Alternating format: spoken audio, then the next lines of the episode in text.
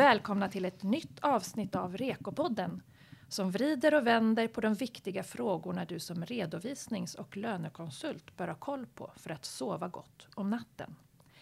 Idag ska vi prata om väsentlighetsprincipen kontra förenklingsreglerna i K2. Hur bör jag tänka som redovisningskonsult? En som verkligen kan detta ämne är Eva Törning som är redovisningsspecialist på Grant Thornton och en av Sveriges främsta experter inom redovisning. Varmt välkommen till Rekopodden Eva. Tack så mycket.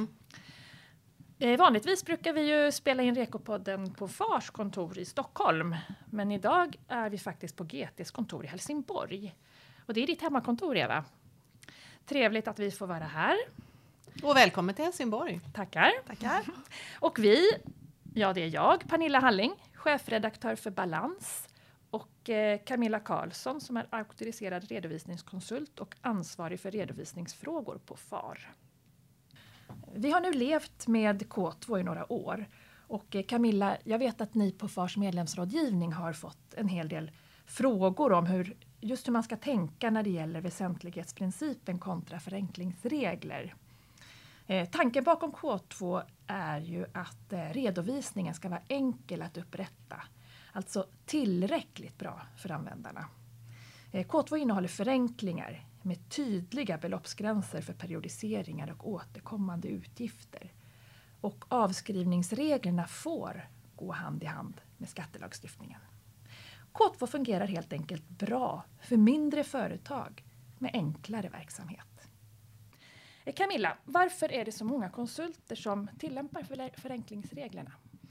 Ja, det var väl lite som du sa inledningsvis där att det är ett enkelt regelverk att tillämpa. Många känner att det är smidigt och det är lätt och framförallt går det fort när man slipper att periodisera.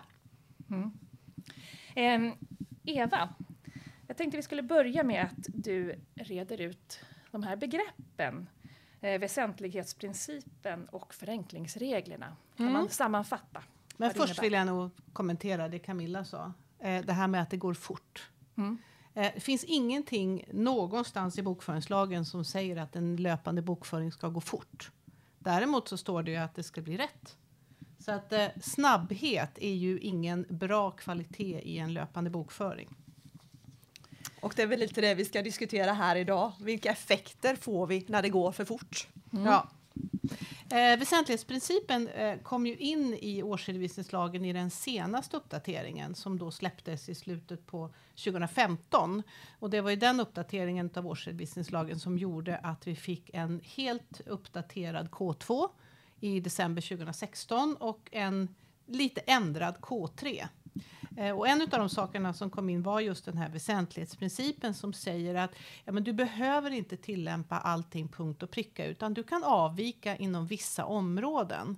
Och eh, effekten av det blev att till exempel det står Tidigare hade vi en bestämmelse i eh, det sjunde kapitlet i årsredovisningslagen om koncernredovisning som sa att ja, men om du har en massa små dotterföretag så behöver du inte konsolidera dem det har vi inte längre, för allting samlas in under den här väsentlighetsprincipen. Så istället för att vara massa olika detaljregler så blir det liksom en övergripande princip som liksom hänger över hela årsredovisningslagen.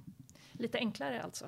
Ja, lite enklare. Alltså, man behöver inte hålla koll på massa, massa detaljregler. Eh, och effekten blir ju, i just i det här fallet med koncernredovisning, så blir det ju densamma. Eh, och eh, det är ju inte bara koncernredovisning som man får avvika ifrån. Eh, man kan ändra på, man kan annan redovisning, man kan ändra uppställning, tilläggsupplysningar till exempel är också någonting. Alltså varför upplysa om någonting som inte är väsentligt? Eh, och där har vi ju ett exempel där man gör en uppställning över alla sina dotterbolag. Om man har ett gäng med dotterbolag som är vilande Ja, men varför ska man lämna massa upplysningar om dem? För de är ju inte väsentliga. Och då kan man skriva övriga bolag eller övriga vilande bolag till sånt där och så blir det bara de här 50 000 kronors bolagen då. Mm. Så att det kommer in lite överallt, den mm. här väsentlighetsprincipen. Och det är väl lite det som gör att det blir lite svårt också för helt plötsligt måste jag liksom fundera, är det väsentligt eller inte? Och hur ska jag tänka där i mitt bolag för det, för den kunden jag upprättar här och nu? Och det är ju mm. jätteviktigt att man dokumenterar det, mm. vad man har gjort för överväganden. Och vilka är då de vanliga förenklingsreglerna? Ja, den absolut vanligaste måste ju vara 5000 kronors regeln som är ett undantag ifrån periodiseringsprincipen. Eh, och ska man då gå tillbaka och säga det här med periodisering, det står redan i bokföringslagen att när vi kommer till ett, ett och till räkenskapsårets slut, då ska vi periodisera. Så att det står redan där och sen, så, sen förtydligar man det i årsredovisningslagen. Så att det är ju en väldigt grundläggande princip i, i eh, bokföringen eller i, i, ett, eh, i ett bokslut. Eh, och då så säger ju K2 att ja, men du behöver inte periodisera inkomster och utgifter under 5000. Och det är ju i sig ett väsentlighetstal. För här säger ju K2 att ja, men är det 5000 så är det inte väsentligt. Mm. Men vad händer här? Vi har ju många som har många småbelopp. Vi pratar om många belopp under 5 000 kronor. Men då helt plötsligt så har vi ju det här väsentlighetstaket som vi uppnår i de här fallen. Hur ser mm. du på den delen där? Ja, här är det ju viktigt att vi skiljer på när vi är i periodiseringsprincipen och när vi är utanför periodiseringsprincipen. Den här 5000 kronors regeln, då är vi ju utanför periodiseringsprincipen. Vi tillämpar inte periodiseringsprincipen. Men när man sitter och gör ett vanligt bokslut eh, och ska periodisera sina kostnader. Du brukar prata om telefonräkningen Camilla. Ja, men den tar vi inte med för det är sånt litet belopp. Men jag är fortfarande i periodiseringsprincipen. Och då har jag ju i min dokumentation dokumenterat att allt det som är under ett visst belopp, det periodiserar jag inte för det, det är försumbara belopp. Men jag är fortfarande i periodiseringsprincipen. Mm. Kan, kan ni eh, nämna några praktiska exempel som är bra att ha med sig när, eh, när man sitter och jobbar med boksluten? Finns ja, framförallt ska man ju ha själv dokumenterat vilket belopp man använder för när man är i periodiseringsprincipen. Vad, vilka belopp är det jag periodiserar? Det är väl viktigt att ha med ja, sig. Ja, ja, så att man är konsekvent mellan åren. Mm. För annars har jag ju inte koll på nästa år. Hur tänkte jag där och vad gjorde jag? Hade jag med mig och vad har jag inte periodiserat framför allt? Det är ju superviktigt att veta. Mm. Mm. Och lite vidare, vilka undantagsregler använder jag naturligtvis? Mm. Att man har det väldigt tydligt i sin dokumentation. Mm. Att man vet precis vilka, vilka utav de här som jag använder eller kanske ännu tydligare, jag använder dem inte. Mm. Mm. För det handlar ju om att även om vi gör väldigt mycket bokslut så är det ju så att vi gör ju ändå bara ett bokslut på varje bolag. Mm. Och så året efter ska du komma tillbaka och tänka, åh, hur var det jag tänkte förra året? Och kan man bara, har man då bara sin dokumentation klar och där är ju Reko väldigt tydlig och väldigt bra och ger väldigt bra riktlinjer. Då, ja visst ja, så gjorde jag. Mm. Det är ju viktigt som sagt vad konsulten ska dokumentera. Det kommer vi inte ifrån. Men, men är, det något, är det något som inte alltid görs menar ni eller? Det är väl lätt att dokumentera det man gör men de här posterna som man inte tar med, de tror jag kanske man glömmer bort att dokumentera. Okay. Och det är ju ack så viktigt.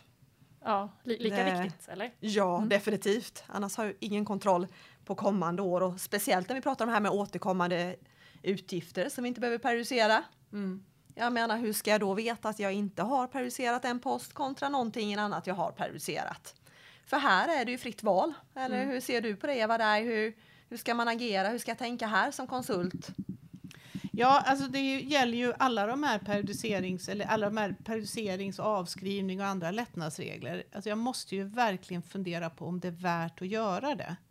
Eh, det är ju inte så kul att sitta och prata med en kund och säga att ja, men du, så här ser ditt resultat ut. Men om jag hade gjort det ordentligt, då hade det sett ut så här.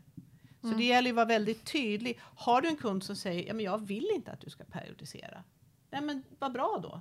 För det, då men, men vi måste ju vara väldigt tydliga med att kommunicera och titta på kunden. Vad är det kunden vill ha?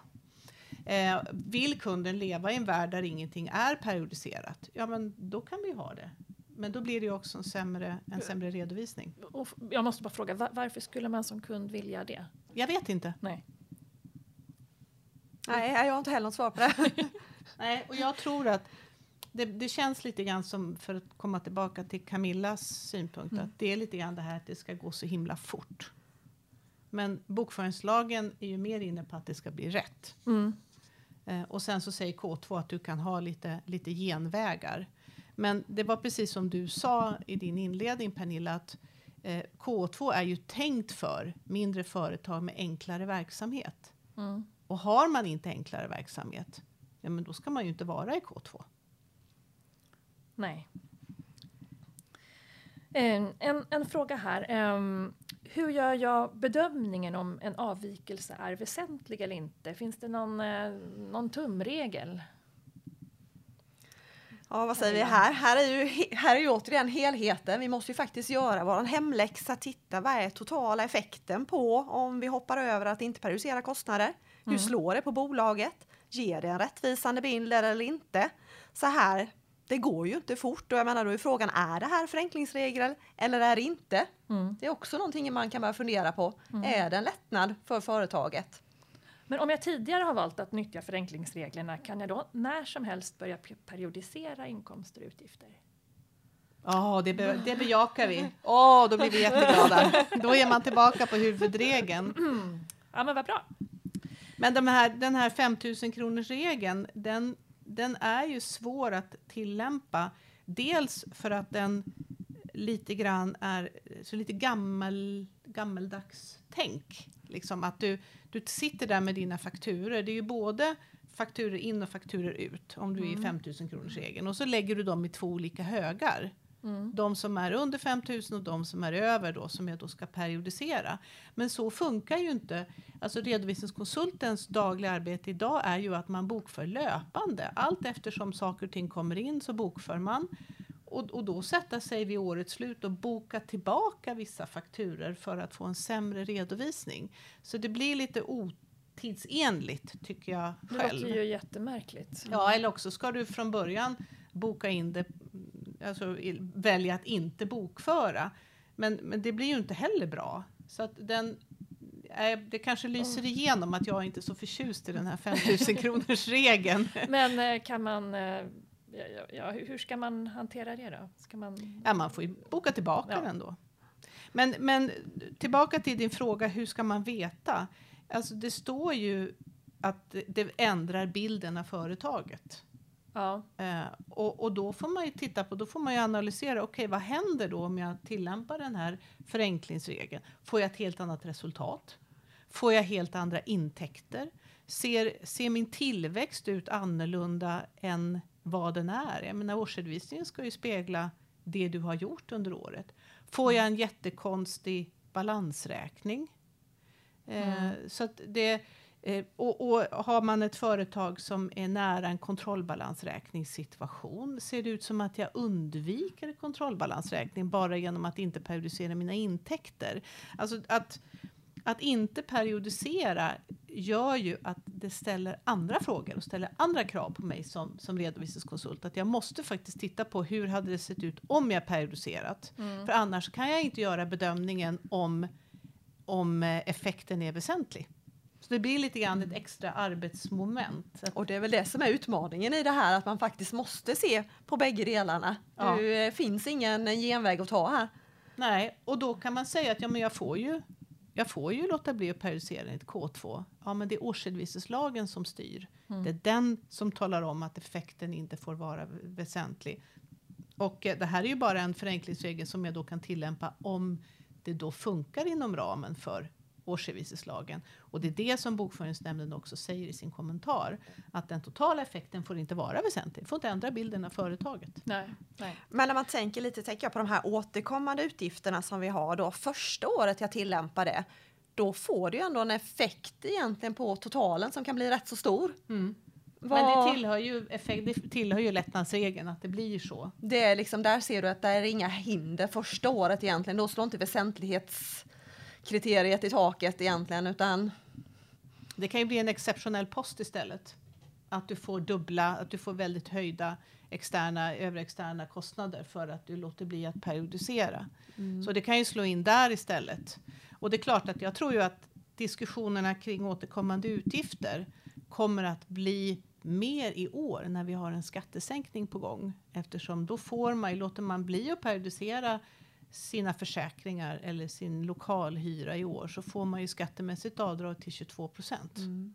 Mm. Så det kan ju komma. Men här har du då problematiken att du själv måste titta på, okej, okay, är det en typ av kostnad som inte varierar med 20 procent? Då, då är det ju den kontrollen mm. istället. Eh, för det är ju många som tycker, ja, men jag vill inte periodisera revisionsarvodet. Ja, men det kanske varierar med mer än 20 procent, lite grann vad som händer. Och är det, är det företag som växer eller krymper, Mm. ja, då, då går det ju inte. För då finns det ju en ganska stor risk att det, att det fluktuerar bara för att företaget är i förändring. Ja, då slår det ju även på hyreskostnader och försäkringskostnader och de bitarna också då. Ja. Mm. Statisk verksamhet är väl egentligen det som är Det optimala. när man ska vara i den Ja. Eh, ja, det är spännande med lite skattemässiga effekter. Där får man ju en helt annan infallsvinkling nu helt klart i år på det. Ja, så att det gäller för er konsulter där ute att vara beredd på frågan. Mm. Ta med den. Mm. Bra. Ehm, hur är det då om jag, om jag inte tillämpar förenklingsreglerna? Bör eh, jag upplysa om, i, i not om detta i, i årsredovisningen? Nej, det är ju en del utav K2. Okej. Så man vet faktiskt inte. Genom att läsa en, en årsredovisning så vet du inte, om du inte kan branschen, så vet du inte om man, om man periodiserar eller inte. Och det här är ju lite svårt för den externa läsaren egentligen att veta hur företaget mår egentligen. Mm. Ja. Eh, Och läsaren ska ju förstå, vilket är lite svårt i det här fallet. Mm. Eh, Men det är klart, om läsaren förstår att, att det spelar ingen roll om de periodiserar eller inte, för effekten blir inte väsentlig, ja, då har man ju trygghet i siffrorna ändå. Ja. Om, om jag, Camilla, om jag, om jag ehm, som redovisningskonsult diskuterar det här med min kund, är det någonting särskilt som jag verkligen bör tänka på i, i den diskussionen?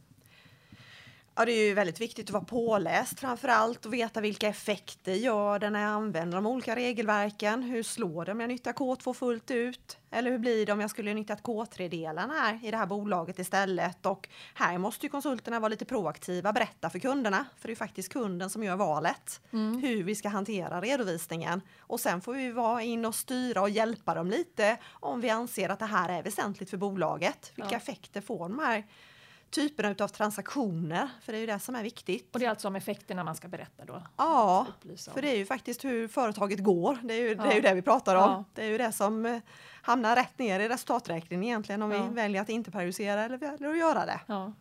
Men är Så. inte sånt här som egentligen är väldigt roligt då när man är som konsult?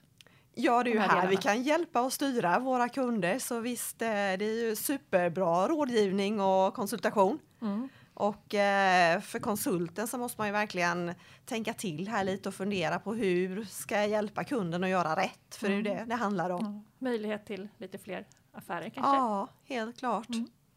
Ja, för årsredovisningarna idag är ju så otroligt öppna. Alltså det, det, du kan ju hitta årsredovisningar och det ligger ute på nätet. Och, alltså, det man visar i sin årsredovisning är det väldigt många som ser. Det är inte bara banken utan det är ju kunder och leverantörer. Och, alltså, även det lilla företaget har ju en årsredovisning som är väldigt nåbar. Mm. Jag tänker på vi, eh, när vi pratade innan om lite förenklingsregler, vi pratade om de här som var vanliga, att i periodisering och de här bitarna, men vi har ju avskrivningar, är ju en annan sån här bit som eh, kan slå rätt så mycket i bolagets resultat och ställning. Ja, och där är det ju många som tror att man i K2 bara skriver av skattemässiga enligt skattemässiga regler. Alltså man går direkt på det som är förenklingsregeln.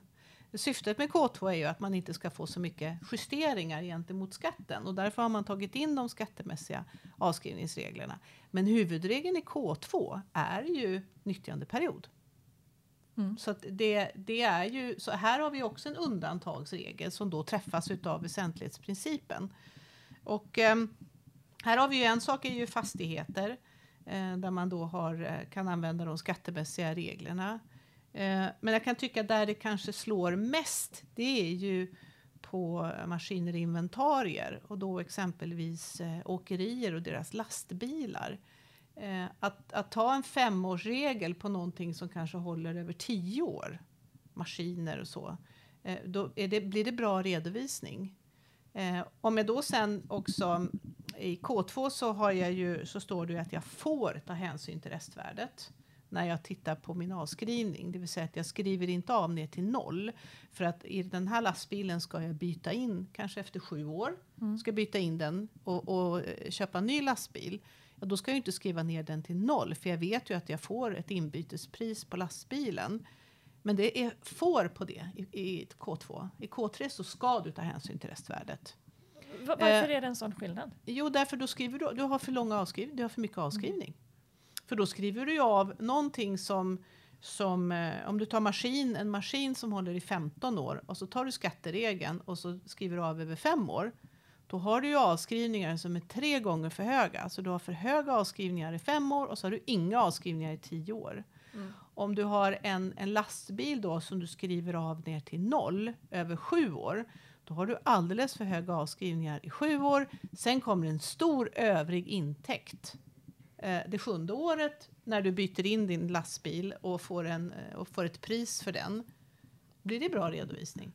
Alltså det slår ju på rörelseresultatet. Båda de här exemplen slår ju väldigt hårt på rörelseresultatet. Och det är ju rörelseresultatet som verkligen talar om hur rörelsen går. Ja. Och då är, det ju, då är det ju inte bra att skriva av för snabbt. Och här har jag inte mycket förståelse för när man vill vara överförsiktig. För en, en företagare vill ju kunna följa sin verksamhet och se hur det verkligen går. Och att vara överförsiktig, skriva av för snabbt. Det är inte, inte heller här är snabbhet något bra Camilla. Men innefattas inte det här också utav väsentlighetsreglerna egentligen det här vi pratar om nu? Jag menar då skriver vi av den här lastbilen så mycket fortare då får vi ju faktiskt en effekt i resultaträkningen. Vi får ju ett lägre resultat under de fem första åren. Det ger ju ingen rättvisande bild. Nej, det här är ju förenklingsregler vad gäller redovisning. Inte periodisering utan redovisning. Så här måste vi som konsulter också titta på, okej vad är effekten? Blir effekten av det här väldigt annorlunda? Alltså att det blir så stort att det ändrar bilden utav företaget. Ja, jag har ett väldigt lågt rörelseresultat, men egentligen är rörelseresultatet riktigt bra. Så när jag går till banken och ska eh, låna upp mera pengar för min verksamhet, ja men de bedömer ju det rörelseresultatet som de ser i årsredovisningen. Och då kan jag ju stå där och säga att ja, men egentligen så är det väldigt mycket högre för att jag skriver av mina, mina lastbilar fel. Men Eva, va- varför, varför tenderar man ibland att vara överförsiktig då? Vad är det som driver det? Jag tror att det är lite grann det som Camilla sa, att det är enkelt och det går snabbt. Man behöver inte göra någon bedömning. Du behöver inte fundera på hur länge den här lastbilen håller. Du, för, förenklingsregeln här är ju nyttjandeperioden, antalet år. Och då så står det fem år och då är det enkelt att ta fem år för då behöver, då behöver inte någon annan komma och fråga varför tog du sju år? Varför tog du inte tio år? Det är bättre att säga men K2 säger fem år och då tar vi fem år. Så det gäller alltså att börja tänka lite och inte bara. Ja. Och det här är också viktigt att man kommunicerar och har en dialog med sina kunder. Jag menar, det är ju inte säkert att jag har kompetensen att veta hur länge den här plastmaskinen håller till exempel. Har den en livslängd på 5 eller 10 eller 15 år? Det här är ju en dialog med kunden. Mm. Det, Men det är ju inte, det är ju en trevlig dialog. För men då helt plötsligt så blir du ju intresserad av kundens verksamhet. Liksom, ja, men hur, hur, hur länge ska du ha din lastbil? Alltså hur, när, när tänker du att du ska byta in den och hur mycket är den värd då? Helt plötsligt så blir vi ju intresserade av deras verksamhet, vi som är specialister på just det här, som de inte kan själva. Ja du Camilla, hur länge håller en gaffeltruck? Gör du? en bra fråga. 10 år tror jag. Vad tror du? Ingen aning.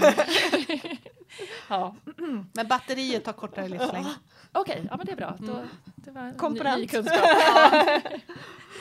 ja, ehm, men du Eva, finns det olika uppfattningar om hur man ska tolka förenklingsregeln kontra väsentlighetsprincipen? Jag tror mest att det är att vi inte har pratat om det. Den, den smögs ju in där i, i eh, årsredovisningslagen och det är väl såna här redovisningsnördar som jag själv då som tycker att det här är viktigt. Men eftersom det är lag Mm. så måste vi oss förhålla, måste för, förhålla oss till det. Eh, och sen så kom det då in framförallt i K2. Ehm, så att jag tror inte att vi har...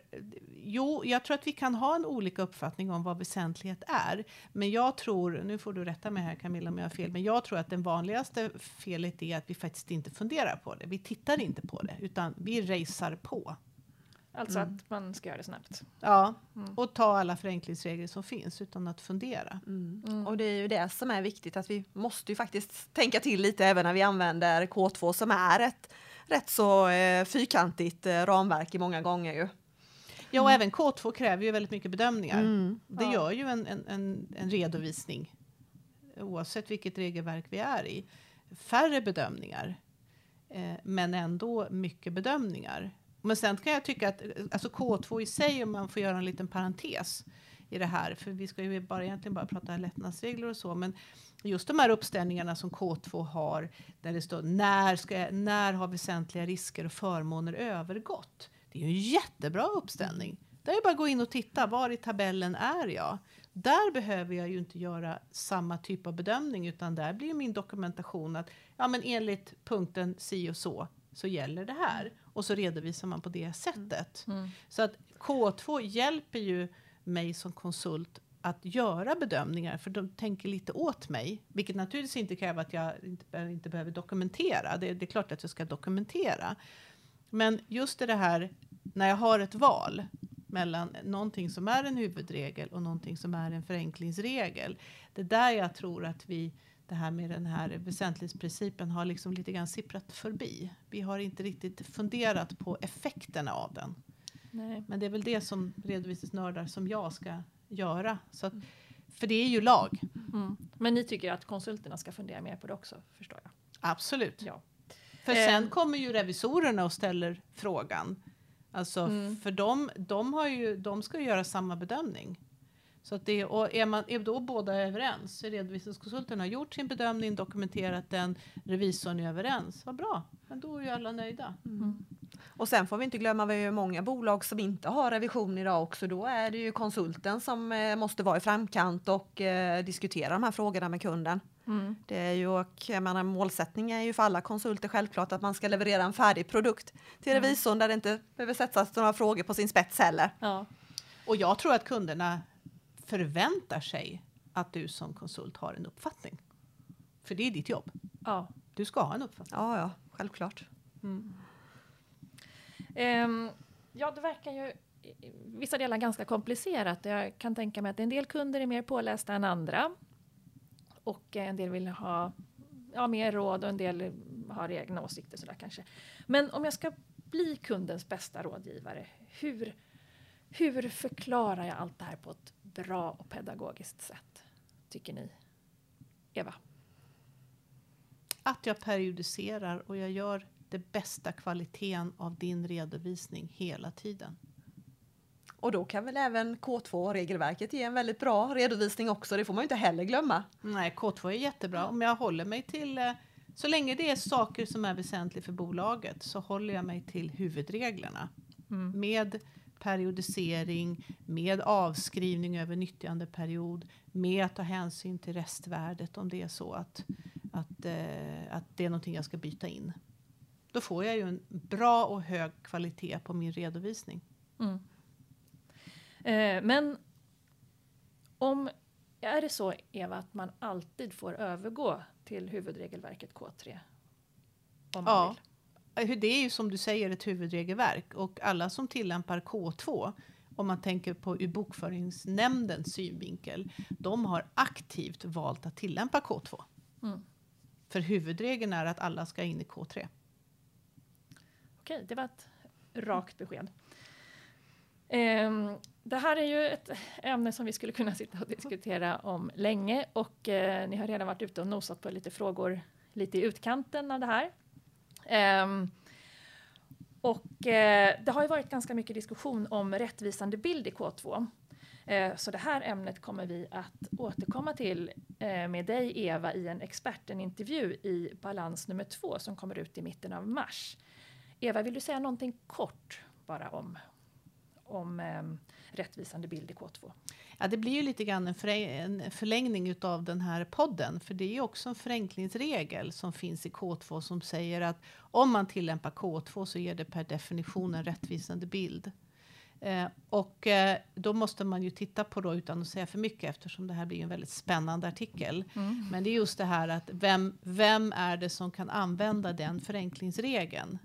För den finns ju bara i K2. Och hur förhåller den sig till väsentlighetsprincipen? Så eh, håll utkik efter eh, experten intervjun med Eva Törning i balans nummer två som utkommer i mars. Tack så mycket Eva för att eh, du eh, medverkade i Rekopodden och för att vi fick komma hit till Helsingborg. Tack själv. Mm, stort tack! Tack Camilla också. Och tack alla ni som har lyssnat. Tack!